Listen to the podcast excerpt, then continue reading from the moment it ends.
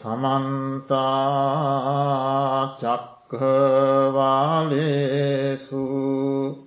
අත්ත්‍රාගච්චන්තු දේවතා සද්ධම්මං මුනිරාජස්ස සුනන්තු සග්ගමොක්කදං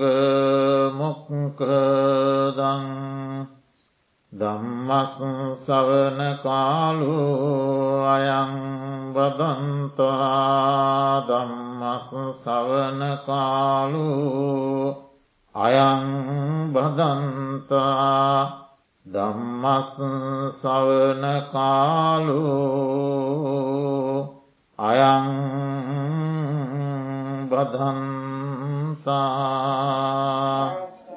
නමෝතසස භගවතු අරහතු සම්මා සම්බුද්දස්ස.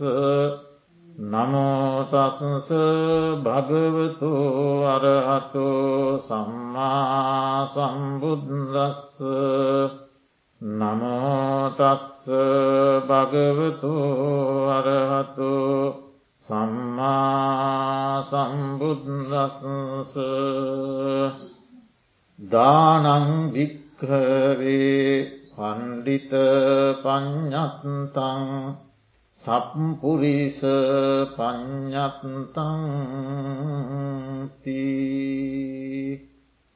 ශ්‍රද්ධාවන්ත කාරුණික පින්තුනි ටෙක්සාස් බෞද්ධ භාවනා මධ්‍යස්ථානයෙහි දෙදස් දහනමේ වර්ෂයේ වස්සාන කාලේ පවත්වනු ලබන සති අන්ත ධර්ම දේශනා මාලාවෙහි අවසං ධර්ම දේශනාව මලිත් මහත්මා චාන්දනී මහත්මිය ශ්‍රීමතී නෝනා මහත්මිය දරුවන් දෙදෙනා.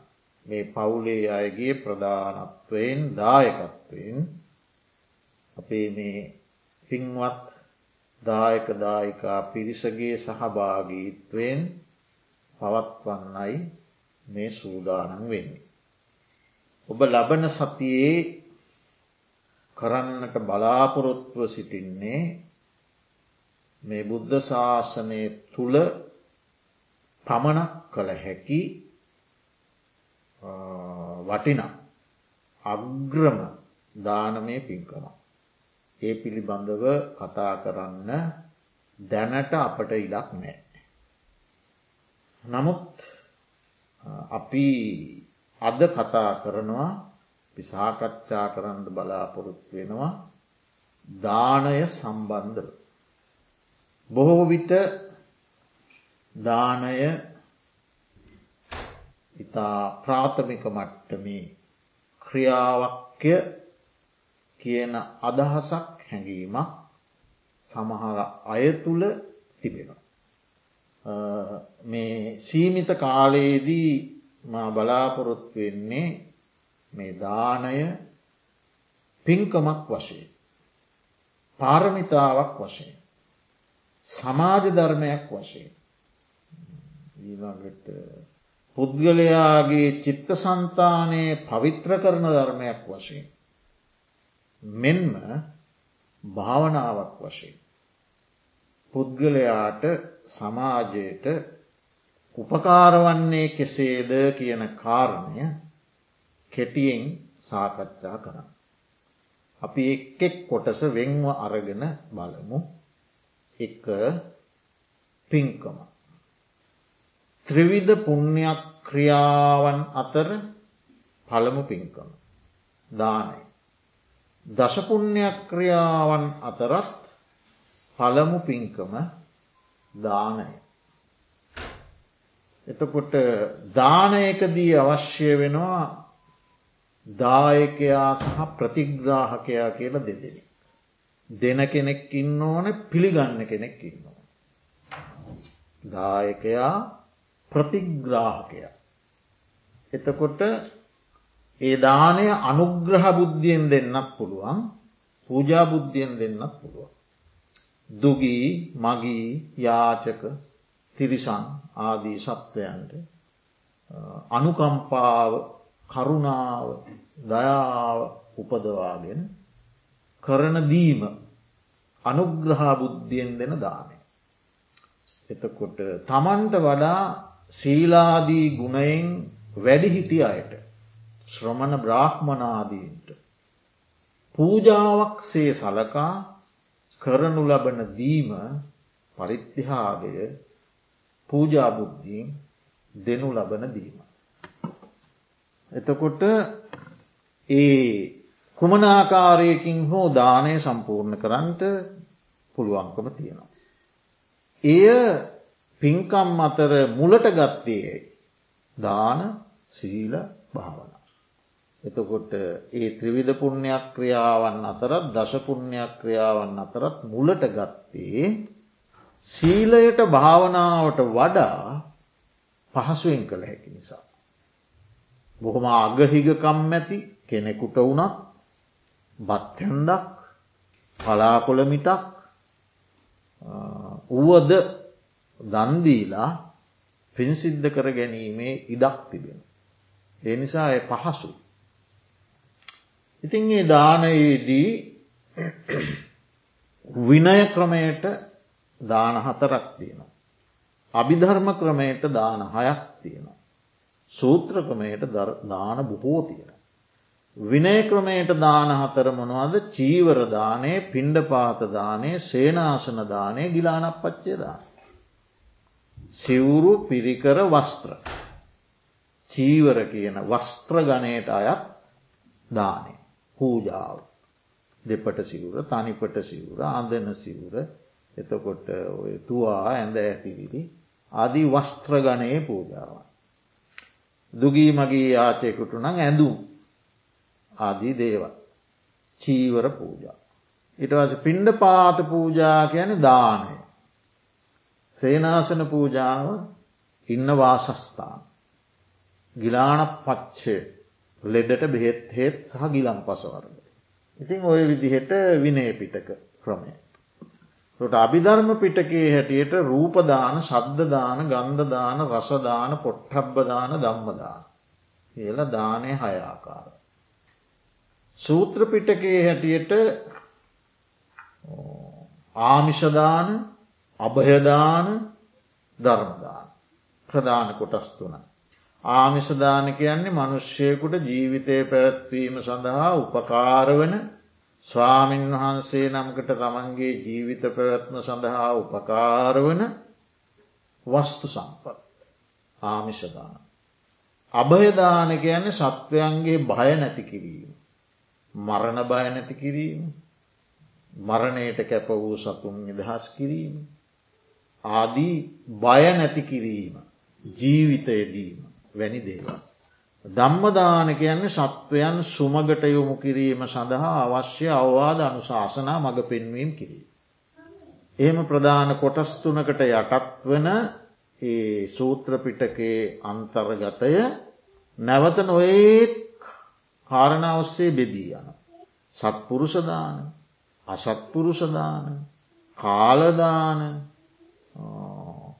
අන්නදාන පානදාන යානදාන වත්තදාන සෙය්‍යදාන ආවසතදාන පදීපෙය්‍යදාන මාලාදාන ගන්ධදාන විලේපනදාන ඒ වගේම වස්දාන කටිනදාන ඔය විදිහට නොෙක් ආකාරය බෙදී යනවා දානය. ඉතිං යම් කෙනෙක් ඒ කුමන ආකාරයේ දානමය පින්කමක් සිදු කළත්. ඒ දෙන තැනැත්තා යම් කිසි ප්‍රතිග්‍රාහකයකුට නිධානය දෙෙන් දැ ඔබ මට දානයක් දෙනව නම් ඉස්සරලා ඔබගේ හිත පිරිසිදු වෙනවා. එතෝට ඒ දානය ලැබෙන්නේ මට වලදන්නේ මම. ආහාරධානයක් නම් ඔබ මට පරිත්‍යයක් කලාම වලදන්නේ මම. ති මම වැළඳවාම මට තමා යමක් ලැබෙන්නේ. ඔබ යමක් පරිත්‍යයා කරාම එයින් යමක් ලැබෙන්නේ මට මොකද මමන වලදන්න දුර මට මොනවද ලැබෙන්නේ ආයුෂ ලැබෙන. මට ජීවත්වීමේ ශක්තියක් ලැබෙන. ඒ ආහාරය වැළඳීම. ඒවගේ මගේ මේ සිරුරේ පැහැපත් භාවය ලැබෙන. ශරීරයට පැහැපත් බව. ඊළඟට මට කායික සහ මානසික සැපයක් ලැබෙන. ඒ ආහාරය වැලදී. මගේ ශරීරයට ජවයක් බලයක් ශක්තියක් ලැබෙන. එක දිරවවා දිරෙව්වයන් පස්සේ මගේ ශරීරයට බලයක් ලැබෙන. ඊළඟට මට මේ යමක් වටහාගන්න අවශ්‍ය කරන ශක්තිය ලැබෙන. පටිභාන වැටහීමේ ශක්තිය ලැබෙන. ට ආහාර මම නොගෙන හිටියොත් මගේ ආයුෂයේ පැවැත්මට ප්‍රශ්නයක්. මගේ ශරීර වර්ණයට ප්‍රශ්නයක්. මගේ ශරීර ශක්තියට ප්‍රශ්නයක්. මගේ සැපයට කායික මානසික සුවයට ප්‍රශ්නයක්. මගේ වටහා ගැනීමේ ශක්තියට ගැටලුව. ඔය ගැටලු පහකට මං මුහුණ දෙනවා බත් මොනවහරි මට සුපුරුදු මං ආහාරපාන නොගෙන හිටිය. ට ආහාරපාන ගැනීමෙන් ඔය ගැටලු නිරාකරණය වෙනවා. යම් එක එක්කනාගේ මට්ටං හැටියට. එතවට පරිත්‍යයාග කරන්න යමක් මට දුන්නම ඔය පහතමයි මට ලැබෙන්නේ තවට මටයි ලැබෙන්නේ ඔබට ඔබට තමයි පළමෙන් ලැබෙන්නේ මට. එතුව මට ලැබෙන දෙයක්කින් ඔබට මොකක්ද තියෙන ප්‍රයෝජනය. අන්න එතන තමයි දැ මටනං ලැබෙන්නේ එකින් ඔබට ලැබෙන ප්‍රයෝජනය මොකක්ද. ති බුදුරජාණන් වහන්සේ දේශනා කළා අපි යමක් වපුරනවනම් ඒ වපුරණ දේට අනුරූප අස්වන්නත්තම අපිට ලැබෙන්. වී වැපුරුවොත් වී තලව පුරුවොත් තල පුරාංග පුරුවත් කුරහා එහෙමනි. එතෝට දැන් ඔබ මේ දාන පරිත්‍යාගේ තුළින් මට යමක් ලබා දුන් නම ඒක තමයි මේ වපුරපු දේ.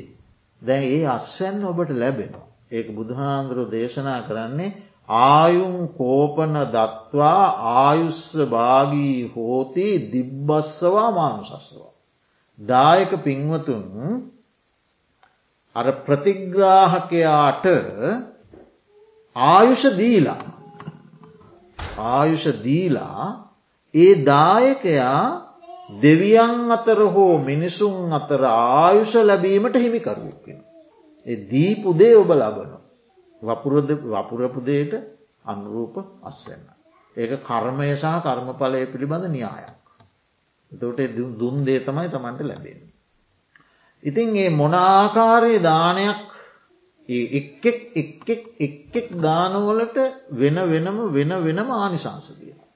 පිළින්ද වච්චත් තේරාපදහානය එහෙම බලනකොට පේනවා මගේ මතකේ හැටියට උන්වහන්සේ දාන උපකරන පනස් පහක් පූජ කරලති. ඒ ඒවට වෙන වෙනම වෙන වෙනම සංසාර ගමනේදී ආනිශංස ලබලතිය. ඒ පරිත්‍යාග කරන දේට අනුරූපස් වෙන්න ලැබෙන. එහි තිබෙනවා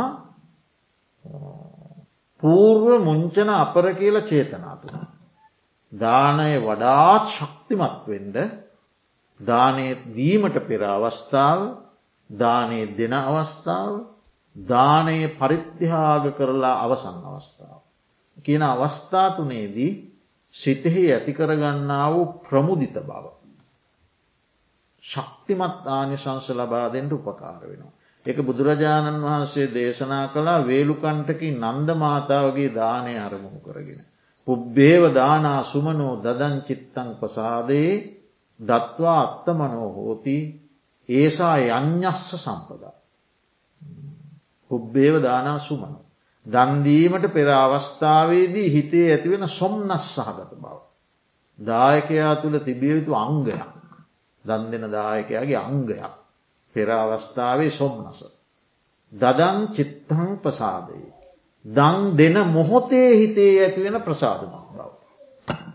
දත්වා අත්ත මනෝහෝති. දන්දීලා අවසානයේ හිතේ ඇතිකර ගන්නා සතුට. ඔන්න ඔය කරුණු තුන යාගයේ සම්පත්තියයි. එතන යාගය කියන දානය. දානය තුළ තියෙන සම්පත්තිය.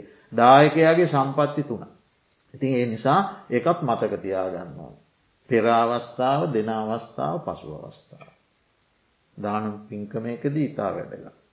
ඊළඟට මේ දානයේ තියෙනවා හීන මජ්ජිම ප්‍රනීත කියලා අවස්ථාතුන. හීනදානය මජ්ජිමදානය ප්‍රනීතදානය. හීන කියල කියන්නේ ලාභ සත්කාර කීර්ති ප්‍රසංසා බලාපොරොත්තුවෙන් දෙන දේ දෙන දානය. දීල බලාපොරොත්තු වෙන ලාභයක් කීර්තියක් ප්‍රසංසාාව හොඳ නමක් බලාපොරොත්තුවෙන්. ඒ දාන හීනයි. ආනිසංස ලැබෙනවා හැබැයි ආනිසංස පිරිසිදුනේ හීනයි. ඊළඟට මජ්ජිම දානය. මජ්ජිම කියල කියන්නේ පුුණ්‍ය පලය බලාපොරොත්තුවෙන් දෙන දාන. ඒ පින කරන්නේ ප්‍රතිඵලයක් බලාපොරොත්තුව. එතකොට ප්‍රතිඵල බලාපොරොත්තුව තෘෂ්නාසාගතයි. එතකොට තෘෂ්නාවෙන් යම්කිසි දැවටීමක් එක්ක එක කරන්න. හරි පුුණ්‍ය පලය බලාපොරොත්තුවෙන් දෙන දාන. ඒක මධ්‍යමයි. අර හීනම නෑ හිට වඩා ටිකක් හොඳයි හැබැ මධ්‍යම. ඊළඟට ප්‍රනීත ප්‍රනීතදානය කියල කියන්නේ මේක ආර්ය ප්‍රතිපදාවක්. මේ ආර්යන් වහන්සේලා ගමන්ගත්ත මග. මේ ආර්යන් වහන්සේලාගේම අනුදැන වදාලා වූ ක්‍රියාමාර්ගයක්. ඒ නිසා මමත් ඒ ආර්යන් වහන්සේලාගේ මග අනුගමනය කරමින් මේ දානය පූජා කරන. දොට එක බලාපොරොත්තු නෑ ලාභ කීර්ති ප්‍රසංසා බලාපොරොත්තුත් නෑ පුුණ්‍ය පලයක් බලාපොරොත්තු නෑ ඒක රිජුව නිවන් පිළිබඳ අපේක්ෂාවක් තබාගත්තට ප්‍රශ්නයක් නෑ. ඒක ලෞකික බලාපොරොත්තුවත් නොවේනි. එතෝට ඒ විදිහට ඒ අට්ට කතාවල දක්වනවා හීනදානය මජ්්‍යමදානය ප්‍රනීතදානය කියලා කොටස් තුනා. ඉතිං ඔය විදිහට මේක පින්කමක් ලෙස ගත්තම සංසාරික ජීවිතවලදී බව බෝග සම්පත්. ආයුෂ වර්ණ සැප බල ආදී සම්පත්. ලබා දෙමින් දෙවියන් අතර මිනිසුන් අතර උසස් ජීවිත පෞෘතියක්. සකස් කර දෙනවා මේ දානය නැමැති පින. එනිසා පින්කමක් වශයෙන් අපි දානය පුරන්න ඕන් සම්පූර්ණ කරන්න ඕන.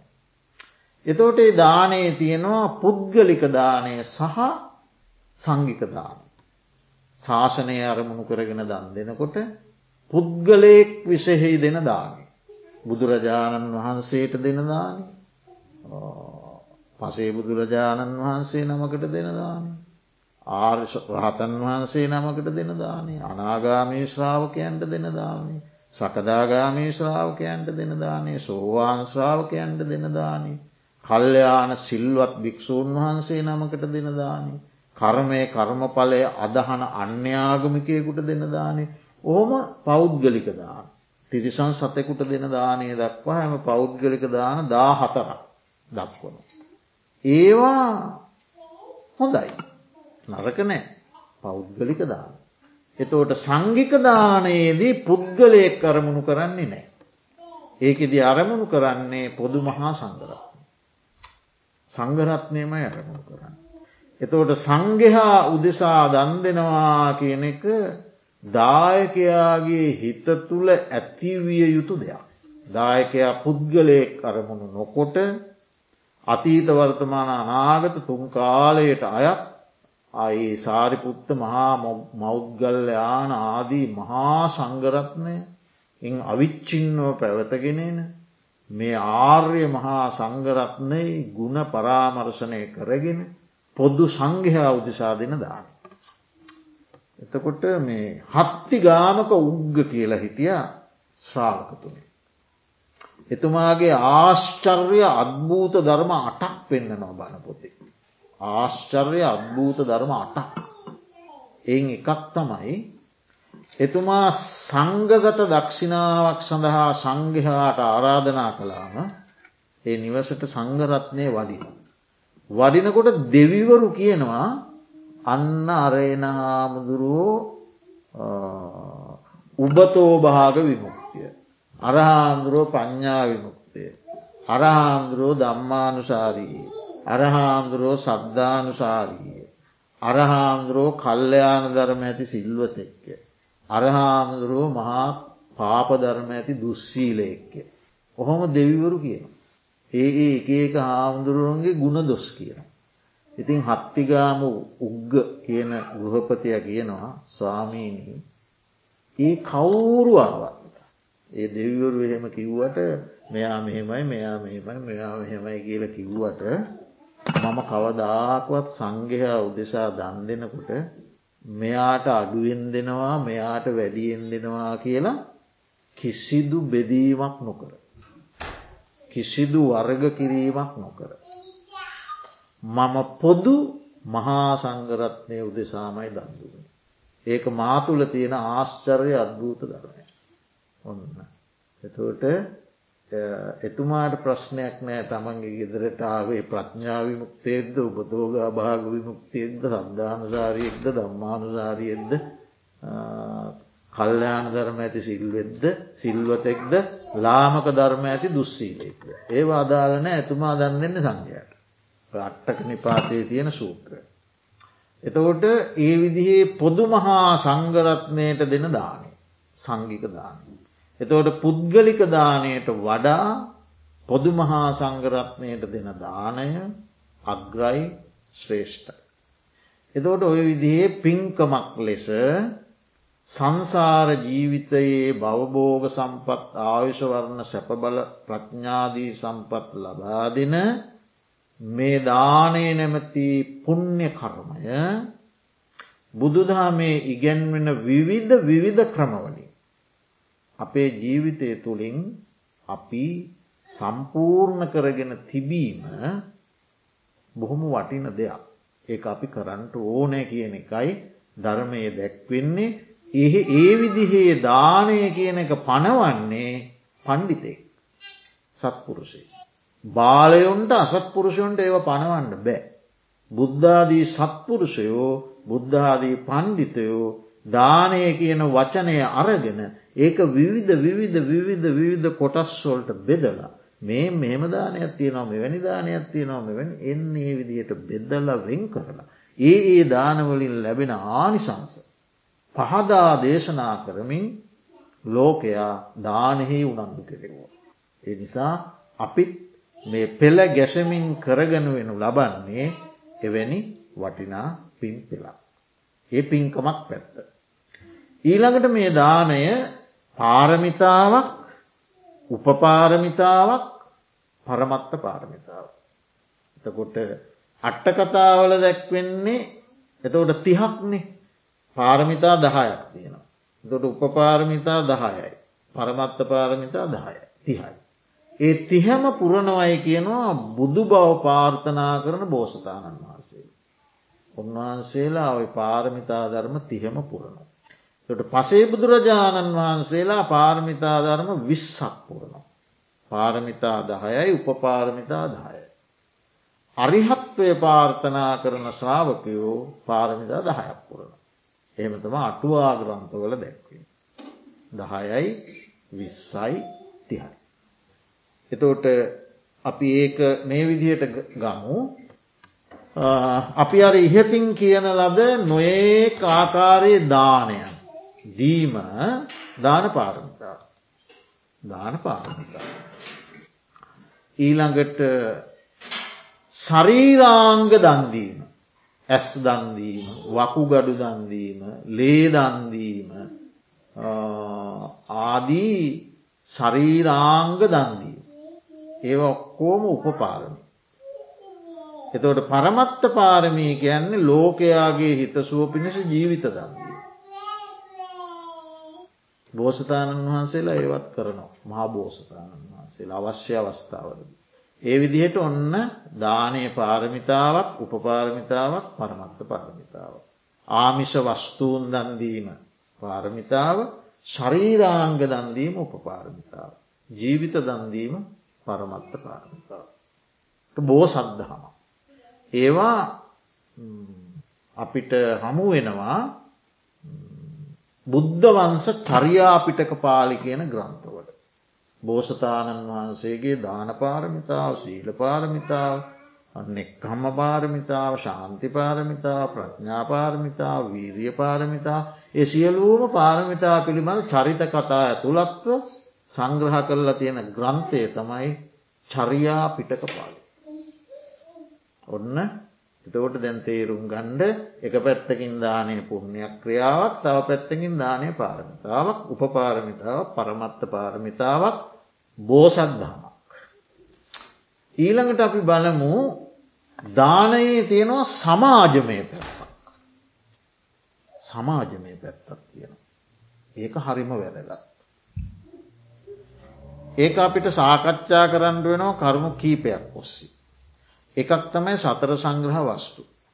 මොනවද සතර සංග්‍රහ වස්තු කියන්නේ දානය ප්‍රියවචනය අර්ථචරියාව සමානාත්මතාව.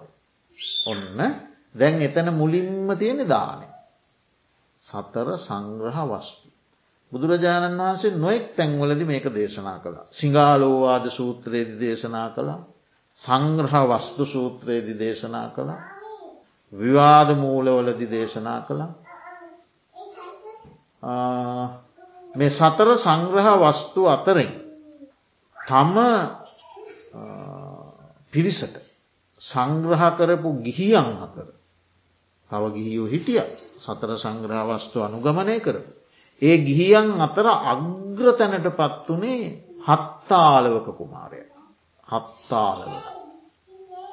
බුදුරජාණන් වහන්සේ දේශනා කළා මහනිනි සතර සංග්‍රහ වස්තුූන්ගෙන් තම පිරිසට සංග්‍රහ කරන්නන් අතරින් මේ හත්තාලවක අග්‍රයයි මම දේශනා කර.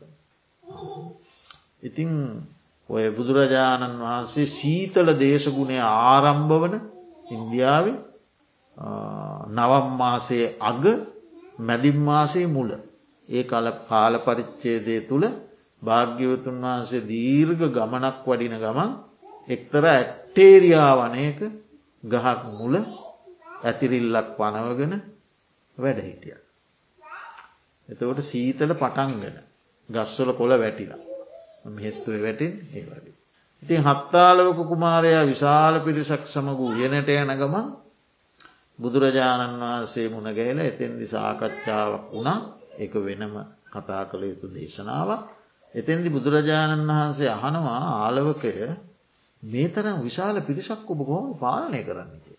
එතුමා සමඟ නිතරම පන්සීයක් විතර ගමන් කළ තනියෙන් නෙමේගී කොහොම දෙව පාලනය කරන්න. ඇයි ස්වාමීණී භාග්‍යවතුන් වහන්ස භාග්‍යවතුන් වහන්සේ මට දේශනා කලානි සතර සංග්‍රහවස්තු. මං මේ පිරිසාතර දානය කැමති අයට දානය සංග්‍රහ කරන. ප්‍රියවචනය කැමති අයට ප්‍රියවචනය සංග්‍රහ කරනවා. අර්ථ චරියාව අවශ්‍යයට අර්ථ චරියාවෙන් සංග්‍රහ කරනවා. සමානාත්මතාවය අවශ්‍යයට සමානාත්මතාවයෙන් සංග්‍රහ කරනවා. මං ඒ විදිහට කිව මේ පිරිසත් එක්ක එකටින්. පුතන්දි බුදුරජාණන් වහන්සේ දේශනා කළා හත්තකය යම් කෙනෙක් අතීතයේ පිරිස්පාලනය කරන්න. ඒ සැම්ම කෙනෙක්ම නිවැරදිව පිරිස්පාලනය කරේ සංග්‍රහවස්තුවේ. වර්තමානයේ යම් කෙනෙක් පිරිස්පාලනය කරනවනම්. ඒ පිරිස්පාලනය කරන්නෙත් සංග්‍රහවස්තුවේ. අනාගතයේ යම් කිසි කෙනෙක් පිරිස්පාලනය කරන්න බලාපොරොත්තු වෙනවා. ඒ පිරිස නිවැරදිව පිරිසක් පාලනය කරන්නෙත් මේ සතර සංග්‍රහ වස්තුවේ. දානය ප්‍රියවචනය අර්ථචරියාව සමානා. එතැදි බුදුරජාණන් වහන්සේ බොහොම ලස්සන ගාථාවක් දේශනා කරනවා. සමාජය අවධි කරවන නමුත් සමාජයේ වැඩි සැලකිල්ලක් අද වෙනතෙක් දක්වලා නැති ගාථාවක් තියෙන. මොකක්ද. දානංච පෙయ్య වජ්ජංච අත්ත චරියාච යා ඉද. සමානත්ත තාච දම්මේසු තත්ත තත්ත යතාරහ. ඒතේකෝ සංගහා ලෝකයේ රතස්සානීවයායතු. ඒතේච සංගහා නස්සූ නමාතා පුත්ත කාරණ. ලබේත මානං පූජංවා පිතාවා පුත්ත කාරණ. දානයක් ප්‍රියවචනයක් අර්ථචරියාවත් සමානාත්මතාවයක් යන මේ සංග්‍රහ වස්තු හතර. ගමන් කරන්න වූ රථයක කඩෑනමින්. හරි ලස්සන උපමාව. ගමන් කරන රථයක කඩ ඇන කැඩුනොත්. එකකාල තිබුණේ අස්වරතන ඒ අස්වරතයේ කඩ ඇනයෙන් තමයි රෝධය සවි වෙලා තියෙන්. එතවට කඩ ඇනේ කැඩුනොත් රෝධය ගැලවෙන. රෝධය බුරුල් වෙන. එතවට රතයට යන්න බෑ. රෝධය ගැලවීමෙන් රතේ එක තැන නතර වෙනවා නැත්න රතය පෙරලෙන. එතකොට මෙන්න මේ දාන ප්‍රියවචන අර්ථචරයා සමානත්මතා කියන හතර අර ගමන් කරන රතයේ කඩ ඇනයක් වගේ. රෝධය සවි කරන කඩ ඇන එක කැඩෙන්ඩ දෙන්න හොඳ නෑ කියන එකකි. එක කැඩුනොත් සමාජ රතය ඉස්සරහට යන්න. සමාජ රතය පෙරලෙනවා. සමාජ රතය එක තැන පල් වෙනවා. එහෙම වෙනවා. එනිසා මේ හතර පුදුම දෙයක්. මේක සමානාත්මතාවය කියන වචනයට පුදුම බයක්තින්. මම තරුණ කාල මේක කතා කරනකොට මට කිව්වා බෝම උගත් ධර්මදරයෝ ඕ කවදාවත් කරන්න බැරි වැඩක් කර්මය කියල එකක් තියෙනවා. කර්මයක් තියෙද්දි කොහොමද සමානාත්මතාවයක් හදන්න කියලා. හරිද. කර්මය කියන එක සීයට සියක් ඇත්ත. නමුත් අපි මෙහෙම හිතුවොත් ලෝකයේ රිජුව කතා කළොත් මාක්ෂවාදී දර්ශනය සමානාත්මතාවයක් ගැන තියෙනවා. හැබැයි ඔවුන් සමානාත්මතාවය උදෙසා සටන් කලා. සටන් කල්ලා දේපල විනාශ වනා මිනිස්සු මැරුණා සංඝ්‍යාවහන්සේලා මැරුණා පූජකවරු මැරුණා රාජ්‍ය සම්පත් විනාශ වනා ඔවුමුත් මැරුණා දස දහස් ගණන් ලක්ෂ ගණන් ජීවිත. සමානාත්ම දහ සමාජයක් කදැන්ඩ ගිහිල්ල දේපලයි මිනිසුයි මුළු මහත් ලෝකයේ මහා විනාශයක් ඇති වුණ ලෝකයේ පුරා රටවල්වල සමානාත්මතාව. බුදු දහමේ සමානාත්මතාව ඒක නෙමේ. බුදු දහමේ සමානාත්මතාවීට හාත් පසින් වෙනස්. ඒක අවබෝධයගෙන එකක්. යම් කෙසෙ කෙනෙක් අවබෝධ කර ගත්තොත් මාගේ මේ ශරීරය වනාහි පටවි ආපෝ තේජෝ වායෝ සතර මහාධාතු ස්වභාවයකි. මාගේ මේ ශරීරයේ කෙස් ලොම් නියපොතු දත්න් හම මස්න් නහර ඇට ඇටමිදුළු වකුගඩු හදවත අක්මාව දලබුව පිත්තාසය පෙනහලු බඩවැල් අසුචි මොලලොඳ පිත සෙම සැරව ලේ දාඩිය මේ වගේ අංගයන්ගින් යුක්ත දෙයක්. මෙහි තියෙනවා පටවිධාතු කොටස් වැගිරෙන ආපෝධාතු කොටස් උණුසුම්මාකාර තේජෝධාතු කොටස් හමන වායෝධාතු කොටස්. එතකොට මාගේ ශරීරයේ එවැනි දෙයක් නම්. මෙහි තියෙන්නේ ආශ්වාස ප්‍රශ්වාස දෙකක්. උපතේ සිට මරණය දක්වා මමත් හුස්ම ගන්නේය අනිකාත් හුස්ම ගන්නේය. මේක අශ්වාස ප්‍රශ්වාස දෙක පටිපද්ද වූ කයක්. මේක ධාතු හතරකින් යුක්ත කයක්. එහෙම නැත්තම් මේක ධාතු හයකින් යුක්ත වූ කයක්. එහෙම නැත්තම් මේක කෙසුලුම් නියදත්තාදී පිළිකුල් කොටස් තිස් දෙහකින් හටගත්ත කයක්.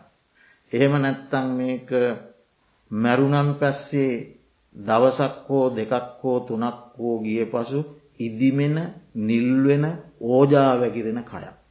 හිවලුම් බල්ලං විසින් කනු ලබන කයක්. අන්තිමට මේවා සේරම දියවිලා ගිහිල්ල ඇට බවට පත්වෙන කයක්. අන්තිමට මේ ඇටපුරුකුත් ගැලවිලා ගිහිල්ල අන්තිමට කුඩා සියුම් දූවිලි බවට පත්වෙන කයක්. මගේ අයත් එහෙමනං අනිකාගේ අයත් එහෙම. එතකොට මේ කයේ මගේ කය සහ අනිකාගේ කය කියන කයවල් දෙක අතරේ ජාතියක් කුලයක් එහෙම බේදයක් නෑ. ඒ ඔක්කෝ මිනිසු හදාගත්ත දේවල්. උපදිනකොට අපි ජාතියක් දන්නෙත් නෑ කුලයක් දන්නෙත් නෑ උපදිනකොට දන්න මම මගේ කුලයක් ගැන මෙලොව සංසාරයක් දන්න එක අම්මල තාත්තල කියල දෙන දෙයක්. හරිද එතකොට ඒක අවබෝධ කර ගත්තොත් මේ ජීවිත යථාවබෝධය කළොත් එයා ලෝකයේ සමානාත්මතාවය හගේන මනුස්සේ.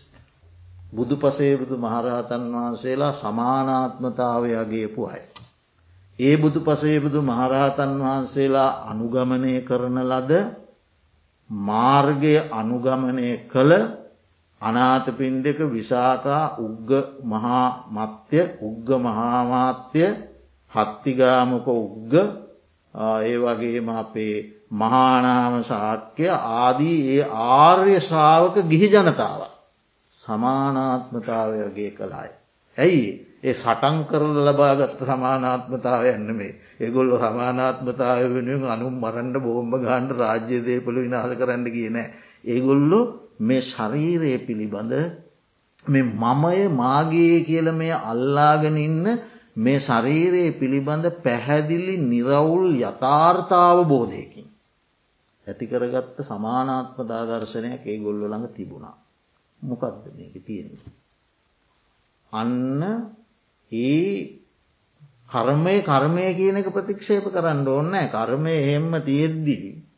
අපිට පුළුවන් නම් කලේසි නෑ පුළුවන් නම් මාසේම අනිකාත් හුස්ම ගන්නවා මාසේම අනිකාටත් බඩගින්න තියෙනවා මාසේම අනිකාටත් පිපාසය තියෙනවා මේක මේ ක්‍රිස්තියානි පිළිකාවය හින්දු පිළිකාවය බෞද්ධ පිළිකාවය කියලා පිළිකාවර්ග නෑ හින්දු හෙම්බිරිසාාවේ බෞද්ධ හෙම්බිරිසාාව හින්දු වෛරස බෞද්ධ වෛරස එහෙම එකක් නෑ හින්දු කෙස් බෞද්ධ කෙස් පදුකෙස් ගොයිගමකෙස් වහුම්පුරකෙස් කරාකෙස් දුරාකෙස් කරා බඩවැල් එහෙම මොකක්පත් නෑ.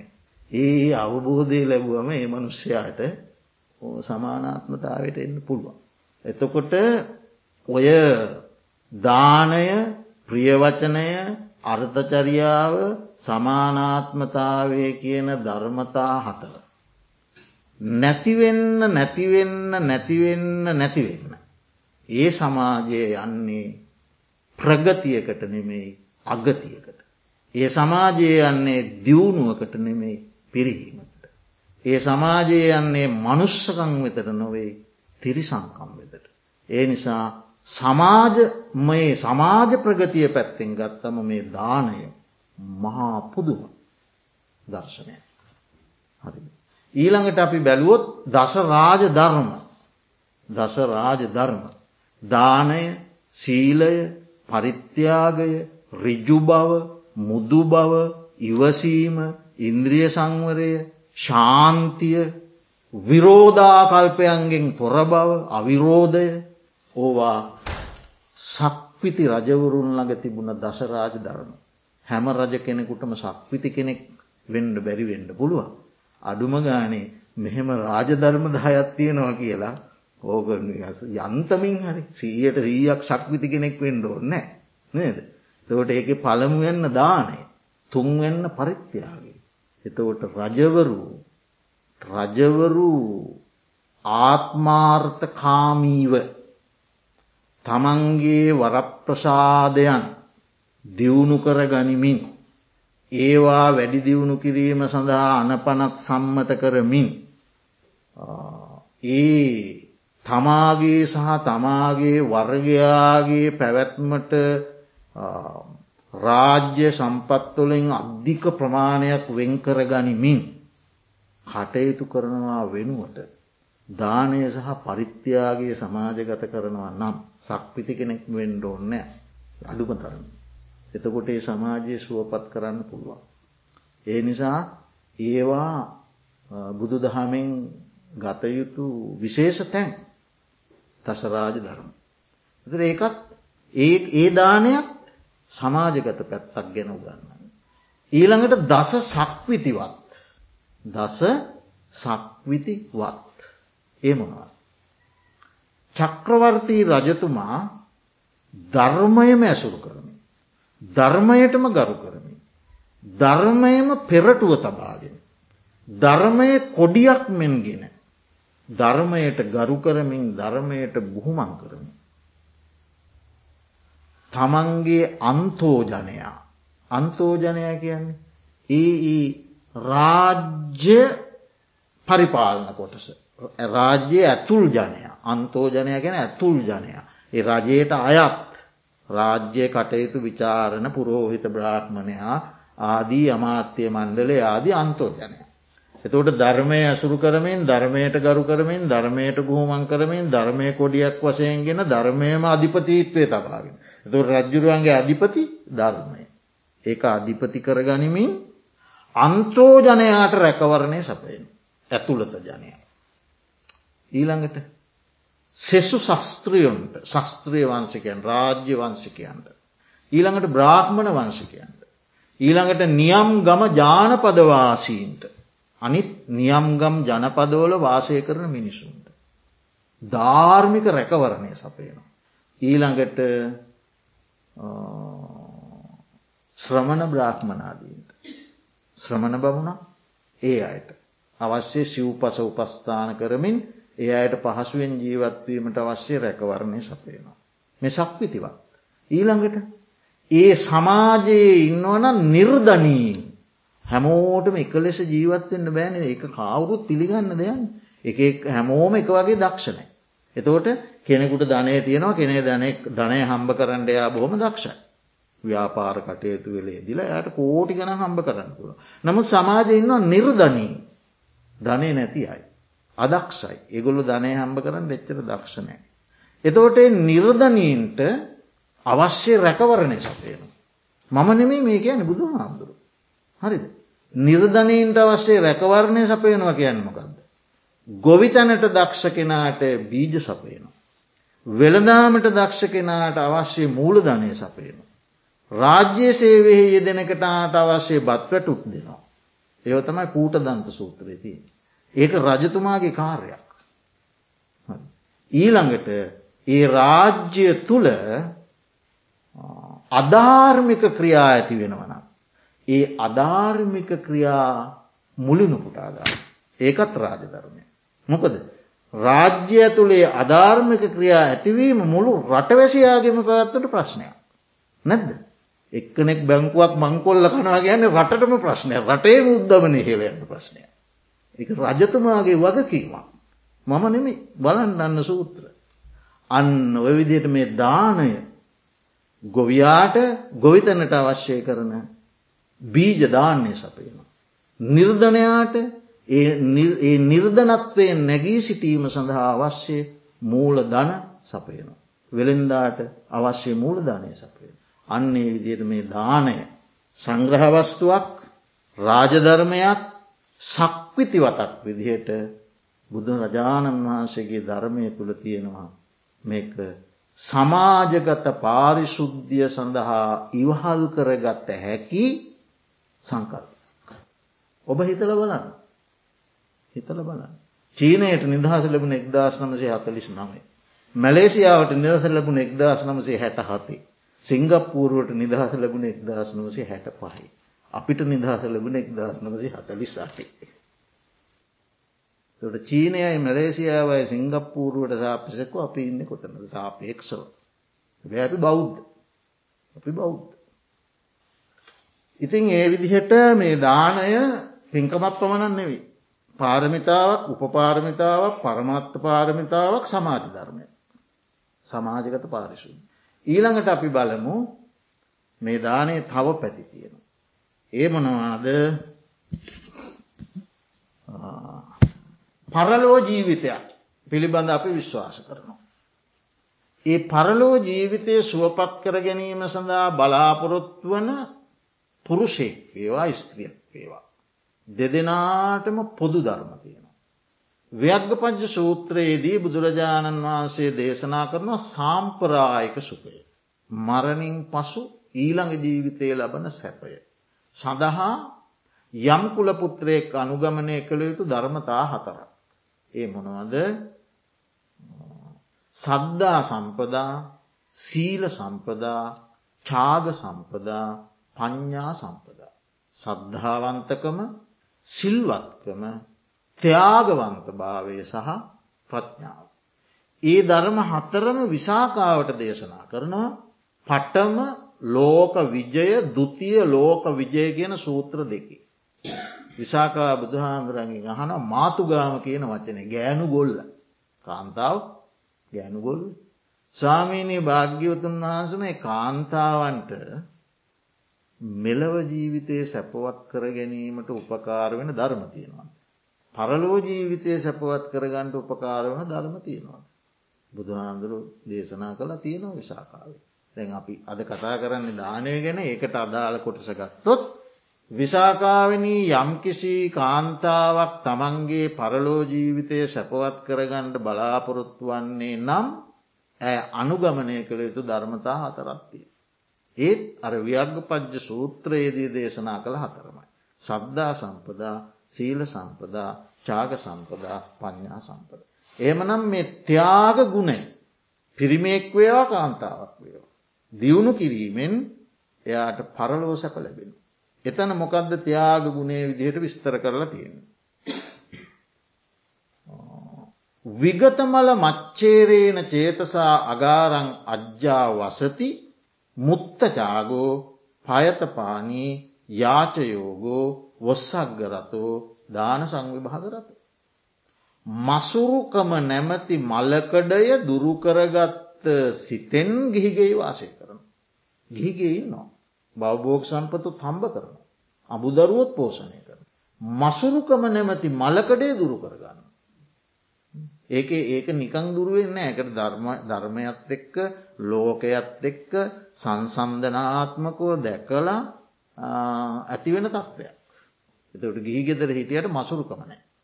මුත්ත චාගු. දෙනදේ අය මේ සම්පූර්ණ මේ කොනක් අල්ලගෙන මේ දෙන්නේ මුක්ත චාගෝ මුක්ත කියන නිදහස් කරනවා. හිතෙන් මේ අතහරි. අල්ලගෙන දෙන්නේ.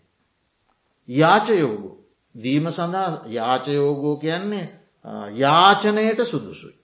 යාචනයට සුදුසුය ගැන ඉල්ලන්න සුදුසුයි. ඉල්ලුවොත් නෑ කියන්නේ. පුළුවන් ආකාරයෙන් ඒ උපකාර කරනවා. අයියෝ ඊයාවනං කරන්න තිබ්බා නැත්තම් පස්සේ ලබන මාස විතර බලමු කියල මේ මගහරින ක්‍රමයක් නෑ. ඒ කරන්න පුළුවන් දෙයක් නම් එක කරලා දෙන. ඉල්ලන්න සුදුසු යාච යෝග. පයත පානී එක සෝදාගත් අත් ඇතිය කියන්නේ පිරිසිදු කරගත් ඒක තේරුම උදව් උපකාර කරන්න මේ අත් දෙක ලෑස්තිගෙන. දෑත සූදාන. ඔස්සක්ග රතෝ දීමෙහි ඇලුම. දාන සංවිභාග රතු. බෙදා හදාගෙන ජීවත්වෙන්ට කැමති. බෙදා හදාගෙන ජීවත්වෙන්ට කැමති. අන් ඒ ත්‍යාග ගුණේ. ඒ ත්‍යාග ගුණේ දියුණු කරගත්ත කෙනා පරලෝට බයවෙන්ට ඕන්නෑ. තව තැනක බුදුරජාණන් වහන්සේ දේශනා කරනවා යම් කෙනෙක් ධර්මතා තුනක් තියෙනවන එයා දේවාන සන්තිකයේ දෙවියන් සමීපේට යන. සිදු බයක් වෙන්ඩ ප දෙවියන් සමීපේට යන. මොකක්ද. ඇත්ත කතා කරන්නේ ඉල්ලූ කල්ලි ටිකක් හරි දෙන්නේ. ක්‍රෝධ නොකරන්නේ. ක්‍රෝධ සිතක් නැත්තං ඉල්ලූ කල්ලි ටිකක් හරි දෙනවනං ඇත්ත කතා කරනවනම් එයා දෙවියන් සන්තකයට යන. එතවට ඔය විදිහට මේක පරලොව සැපලබා දෙන මාර්ගයක්. දැන් අපි කියක් කතා කරාද දානය පින්කමක් දානය පාරමිතාවක් දානය උපපාරමිතාවක් දානය පරමත්ත පාරමිතාවක් දානය සමාජ සුභ සිද්ධිය සඳහා ඉවහල් වන දෙයක් ඒ වගේම දානය මරණින් පස්සේ සුගතිය කරා ළඟා කරවන ධර්මතාවය. දානන් සග්ගස්ස සෝපානම්. දානයේ සුගතියට යන්ඩ තියෙන ඉනි මගක්. ඉනි මගක් පාවිච්චි කරන්න අපි බැරි තැනකට ගොඩ වෙන්න සුගතියත් ලේසි තැනන්නෙමේ. හැබැයි අමාරු තැනට යන්න මාර්ගයක් තියෙන. ඒ ඉනි මග තමා දාන. ඊළඟට මේක මිත්‍රයන් ලබන මාර්ගයක්. මිතුරං ලබන මගක්. දදං මිත්හානී ගන්තති. දන් දෙන්නා මිතුරන් ලබන. ආත්මාර්ථකාමී මසුරු තමා ගැනම බලන මනුස්සයට මිත්‍රයෝනේ.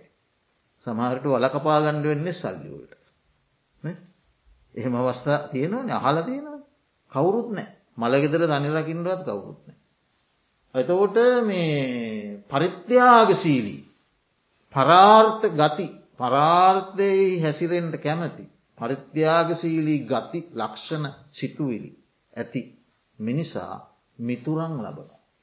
එතකොට නරකදී නරක දේවල්දීමෙන් නරක මිතුරන් ලබන හොඳ දේවල්දීම හොඳ මිතුරන් ලබන එකත් මදක තියගන්න. නරක දේවල්දීමෙන් නිතර නිතර නරක මිත්‍රයෝ තමයි ආශ්‍රයට ලැබෙන. ඒවමං එකක්නික විග්‍රහ කරන්න ඕන්නෑ එහෙම තියෙනවා. එතවට ඊළඟට මේ කාරණය භාවනාව. දානය භාවනාව. ඒ කොහොමද. මෛත්‍රී භාවනා වඩන කෙනෙක් ඒ මෛත්‍රයේ අමාරුම තැන තමයි වෛරකාරයට මෛත්‍රී වැඩි මනි ඕන කෙනෙකුට මෛත්‍රී වැඩන්න ලේසි. හරි තමන්ට ඉන්නවනම් තරහකාරයෙක් වෛරකාරයෙක් එයාට මෛත්‍රී වැඩීම අමාරු කෙනෙකුට ලේසි වෙන්න පුළුවන් කෙනෙකුට අමාරුවෙන්න පුළුවන්. එතකොට ධර්මය දැක්වෙනවා එහෙම ඔන්න දැන් තමාට මෙත් වඩල හිතවතුන්ටත් මෙත් වඩල මධ්‍යස්ථයොන්ටත් මෙත් වඩලා අර අමාරු අවස්ථාවට පත්වෙනවාද. දැන් ඕන තරහකාරයට මෙත් වඩා. එහෙම වඩාගෙන යනකොට නැවත නැවතේ මෛත්‍රීසිත යටපත් කරමින්. අර තරහකාරයාම මතුවෙවී එනවන. හරිද. එතෙන්දී ඒ එයාට මෙත්තු වැඩෙන්නෙම නැත්නම්. ඊළඟට දෙනවා ඒකට හොඳ උපදිසා. මොකක්දේ එයා කැමති දෙයක් එයාට පරිත්‍යහාග කරන්න දෙන්න කියන. දීලා එයාගේ සිත මුද්දු කරන්න කියන. මොලොක් කරන්න කියන. තොට දැන් තමන්ගේ සිතත් මොලොක් වෙනවා. එයාට යමක් පරිත්තිහාව කරනවා. එය කැමති දෙයක්. එතකොට අර දෙන්න අතර තියෙන දුරස් බව ටිකක් අඩු වෙන. ටිකක් ලංවීමක් වෙනවා මේ පරිත්්‍යයාගේ. ඒ ලංවීම උනැම් පස්සෙමත් වඩන්න කිය. හොඳ හොඳ තැනක්. අන්න එතවට මේක කෙලේම මෛත්‍රී භාවනාවටත් උපකාරක ධර්මය. මෛත්‍රී භාවන වඩාගෙන ගිල්ලා ය අසීරු අවස්ථාවේදී පරිත්‍යාගයෙන් ඒ හතුරා තමාවෙතට සමීප කරගන්න. කරගෙන මෙත වඩන්න. එනම් භාවනාවක් භාවනාවකට උපකාර ධර්මය. ඊළඟට මේ දානය රිජ්ජුවම භාවනාව දැ මේ මෛත්‍රයට උපකාරයක් මෙන්ම රිජුවම භාවනාව. ඒ භාවනාවට මොකක්ද කියන නම. චාගානුස්සති. චාගානුස්සති. අංගුත්තර නිකාය ඒකක නිපාතය තියෙනවා. චාගානුස්සති. අනුස්සති ගැන අනු අනු සති නැවත නැවත සීකිරීම. චාගා කියන ත්‍යයාගේ. ත්‍යයාග ගුණය නැවත නැවත සිහිකිරීමේ භාවනාව. චාගානුස්සති. ඒක කොහොමද වඩන්නේ. ඒක වඩන්න බලාපොරොත්තු වන කෙන අධිෂ්ඨානයක් ඇති කරගන්න ඕන පළමුුවේ. මොකක්ද අධිෂ්ඨානය අද ඉඳලා මම ප්‍රතිග්‍රාහකයෙකු ලැබුණොත් නොදීනම් වලදන්නේ නැත. ප්‍රතිග්‍රාහකය ලැබුණොත් නොදී වලදන්න මම දීලමයි වලදන්න. එතවට ප්‍රතිග්‍රාහකයකු නැත්තම් මේ තිරිසන් සතෙක් තව ප්‍රතිග්‍රාහකය. සතෙකුට හරි බට්ටි එකක් දීලා. තමයි මම අද ඉඳලා වලදන්න. තනියෙන් වලදන්න. ප්‍රතිග්‍රහකු නැත්තං කරන්න දෙන්න ලැබුණොත් දෙනවා. ඒ විදියට අධිෂ්ඨාන කරගෙන එයා ඔන්න දැන් ත්‍යයාගවන්ත භාවය දියුණු කරනවා. දියුණු කරලා නිදහස් විවේකී පරිසරයක තෙරුවංගුණ සිහි කරලා සුපුරුදු ඉරියව්වකින් පහසුවෙන් වාඩි වෙන. වාඩි වෙලා බුද්ධාදී උතුමන් වහන්සේලාගේ පරිත්‍යයාග ගුණයක් ටිකක් සිහි කරනවා. අපේ මහා බෝසතාණන් වහන්සේ ඇස් දුන් දුන්නා මස්දන් දුන්නා ලේදන් දුන්නා මේ විදියට බෝසතාණන් වහන්සේගේ ගුණත් සිහි කරලා තමන්ගේ මේ ත්‍යාග ගුණයම මතු කරගන්න. කොහොමද.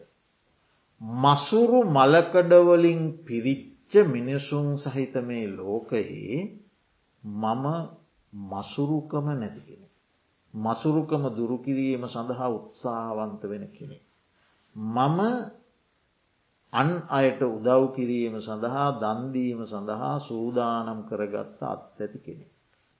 මම දෙනදේ පිළිබඳව කිසිම බැඳීමක් නැතුව මුල්ලු මනින්ම නිදහස් සිතින් දන් දෙන කෙනෙ. මම දීමෙහි ඇලුන කෙනෙ. මම බෙදාහදාගෙන ජීවත්වෙන්ට කැමති කෙනෙ. කියල මේ තමන්ගේ ත්‍යයාග ගුණේ එහෙම මුලින් ඒ විදියට ඒ ගුණයේ ලක්ෂණ සිහි කරලා ඊළඟට මේ තමන්ගේ ත්‍යයාග ගුණේ යම් යමෙකුට තමන් කරනද පරිත්්‍යාගයක් ගැන නැවත නැවත නැවත නැවත නැවත නැවත අනුස් මරණය කරන සිහි කරන. ඒ සිහි කරනකොට නීවරණ ධර්මයන් යටපත් වෙලා සිතේ ඇතිවෙනවා ප්‍රීති ප්‍රමුදිත බව.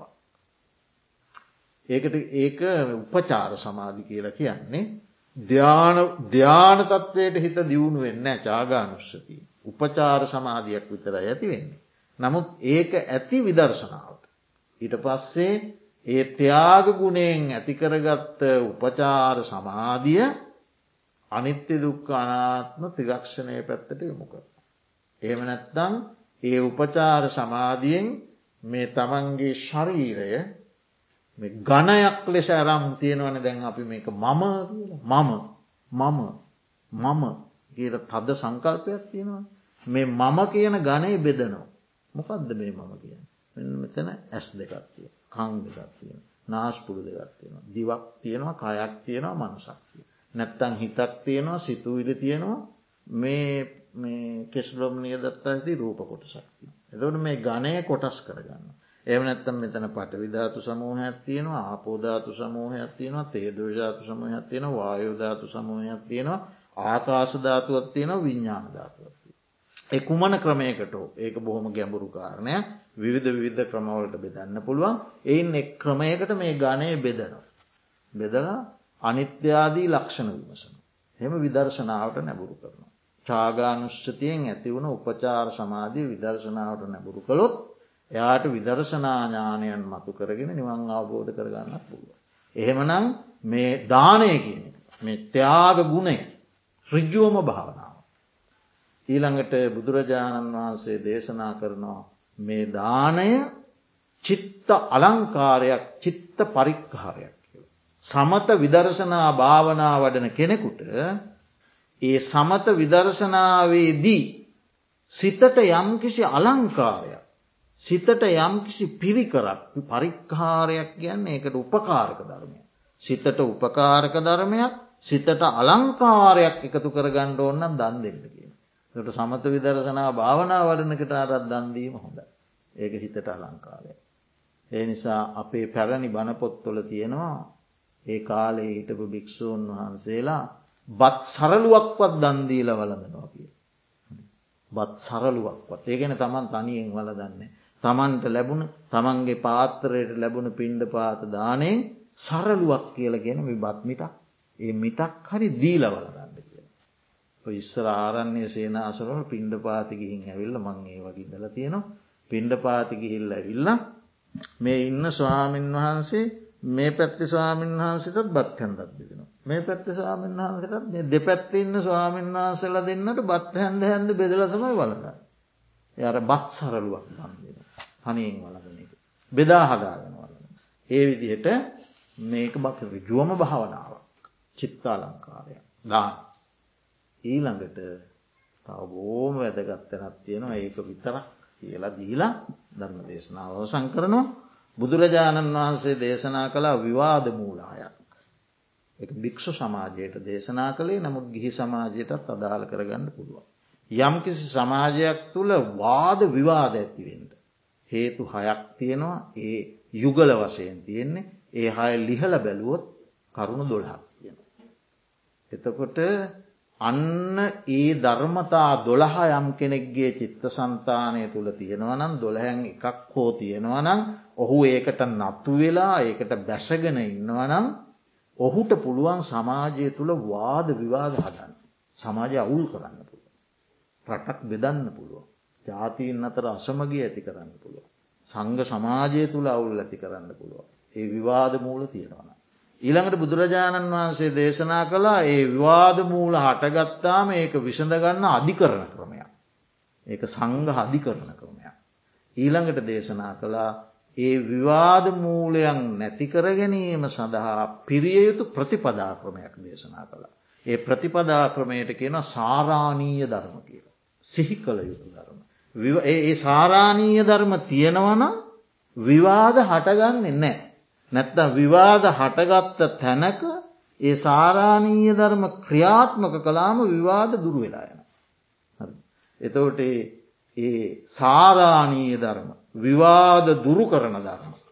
අතර පළවෙනි ධර්මය තමයි ඇති තැනදී නැති තැනදී මෛත්‍රී සහගත කායකරුණ පැත්වී. දෙක ඇති තැනදී නැති තැනදී මෛත්‍රී සාගත වචී කර්ම පැනැත්ති. එකන ඇති තැන බෝම මුව නොසාහෙනසේ ගුණ කියලා ගියම් පත්ල පට්ට යනකම් බනින එකනෙවේ. ඇති තැනදීත් නැති තැනදීත් මෛත්‍රී සාගත වචී කර්ම පැත්ති. තුන ඇති තැනදීත් නැති තැනදීත් මෛත්‍රී සාගත මනෝකරණු පැත්ති. හරි. හතර තමන්ට ලැබෙන ලාභය කුඩා වූ හෝ වේවා මහත් වූ වේවා. ඒ ලාභය තමන් සමඟ එක්ව වාසය කරනා එක්ක සමවය බෙදාලෙන්. හරි බලන්න කොච්චර හොඳ ධර්මය. බුදුහාන්දුරුවෝ දේශනා කරනවා යටත් පිරිසෙන් මේ පාත්තරයට ලැබුණ දානටික වුවද ප්‍රතිග්‍රාහකයකින්වනම් බෙදාදීල වැලදී. ඒක සාරාණීය ධර්මයක් විවාද නසන ධර්මයක්. පැහැදිලි. එතකොට මේ දානය කියල කියන්නේ සමාජය තුළ විවාද නසන ධර්මය. මං මේ කියන කරුණු ඔය ඇත්ත හිතල බලන්න ශ්‍රී ලාංකික සමාජත්තික ගලපල මට කියන්න තියෙන හරි. ඒ විදිහේ මේ දානය ගැන්නේ මහා පුදුම් දෙයක්. තින් මේ අද කතා කරන්න පුළුවන් වුණේ ටිකයි තව මේ ගැන කතා කරන්න දානය ගැන කොතෙකුත් තියෙනවා. පුද්දු මාතාර ධර්ම ගොඩක් බුදුරජාණන් වහන්සේ දේශනා කරලා තියෙනවා.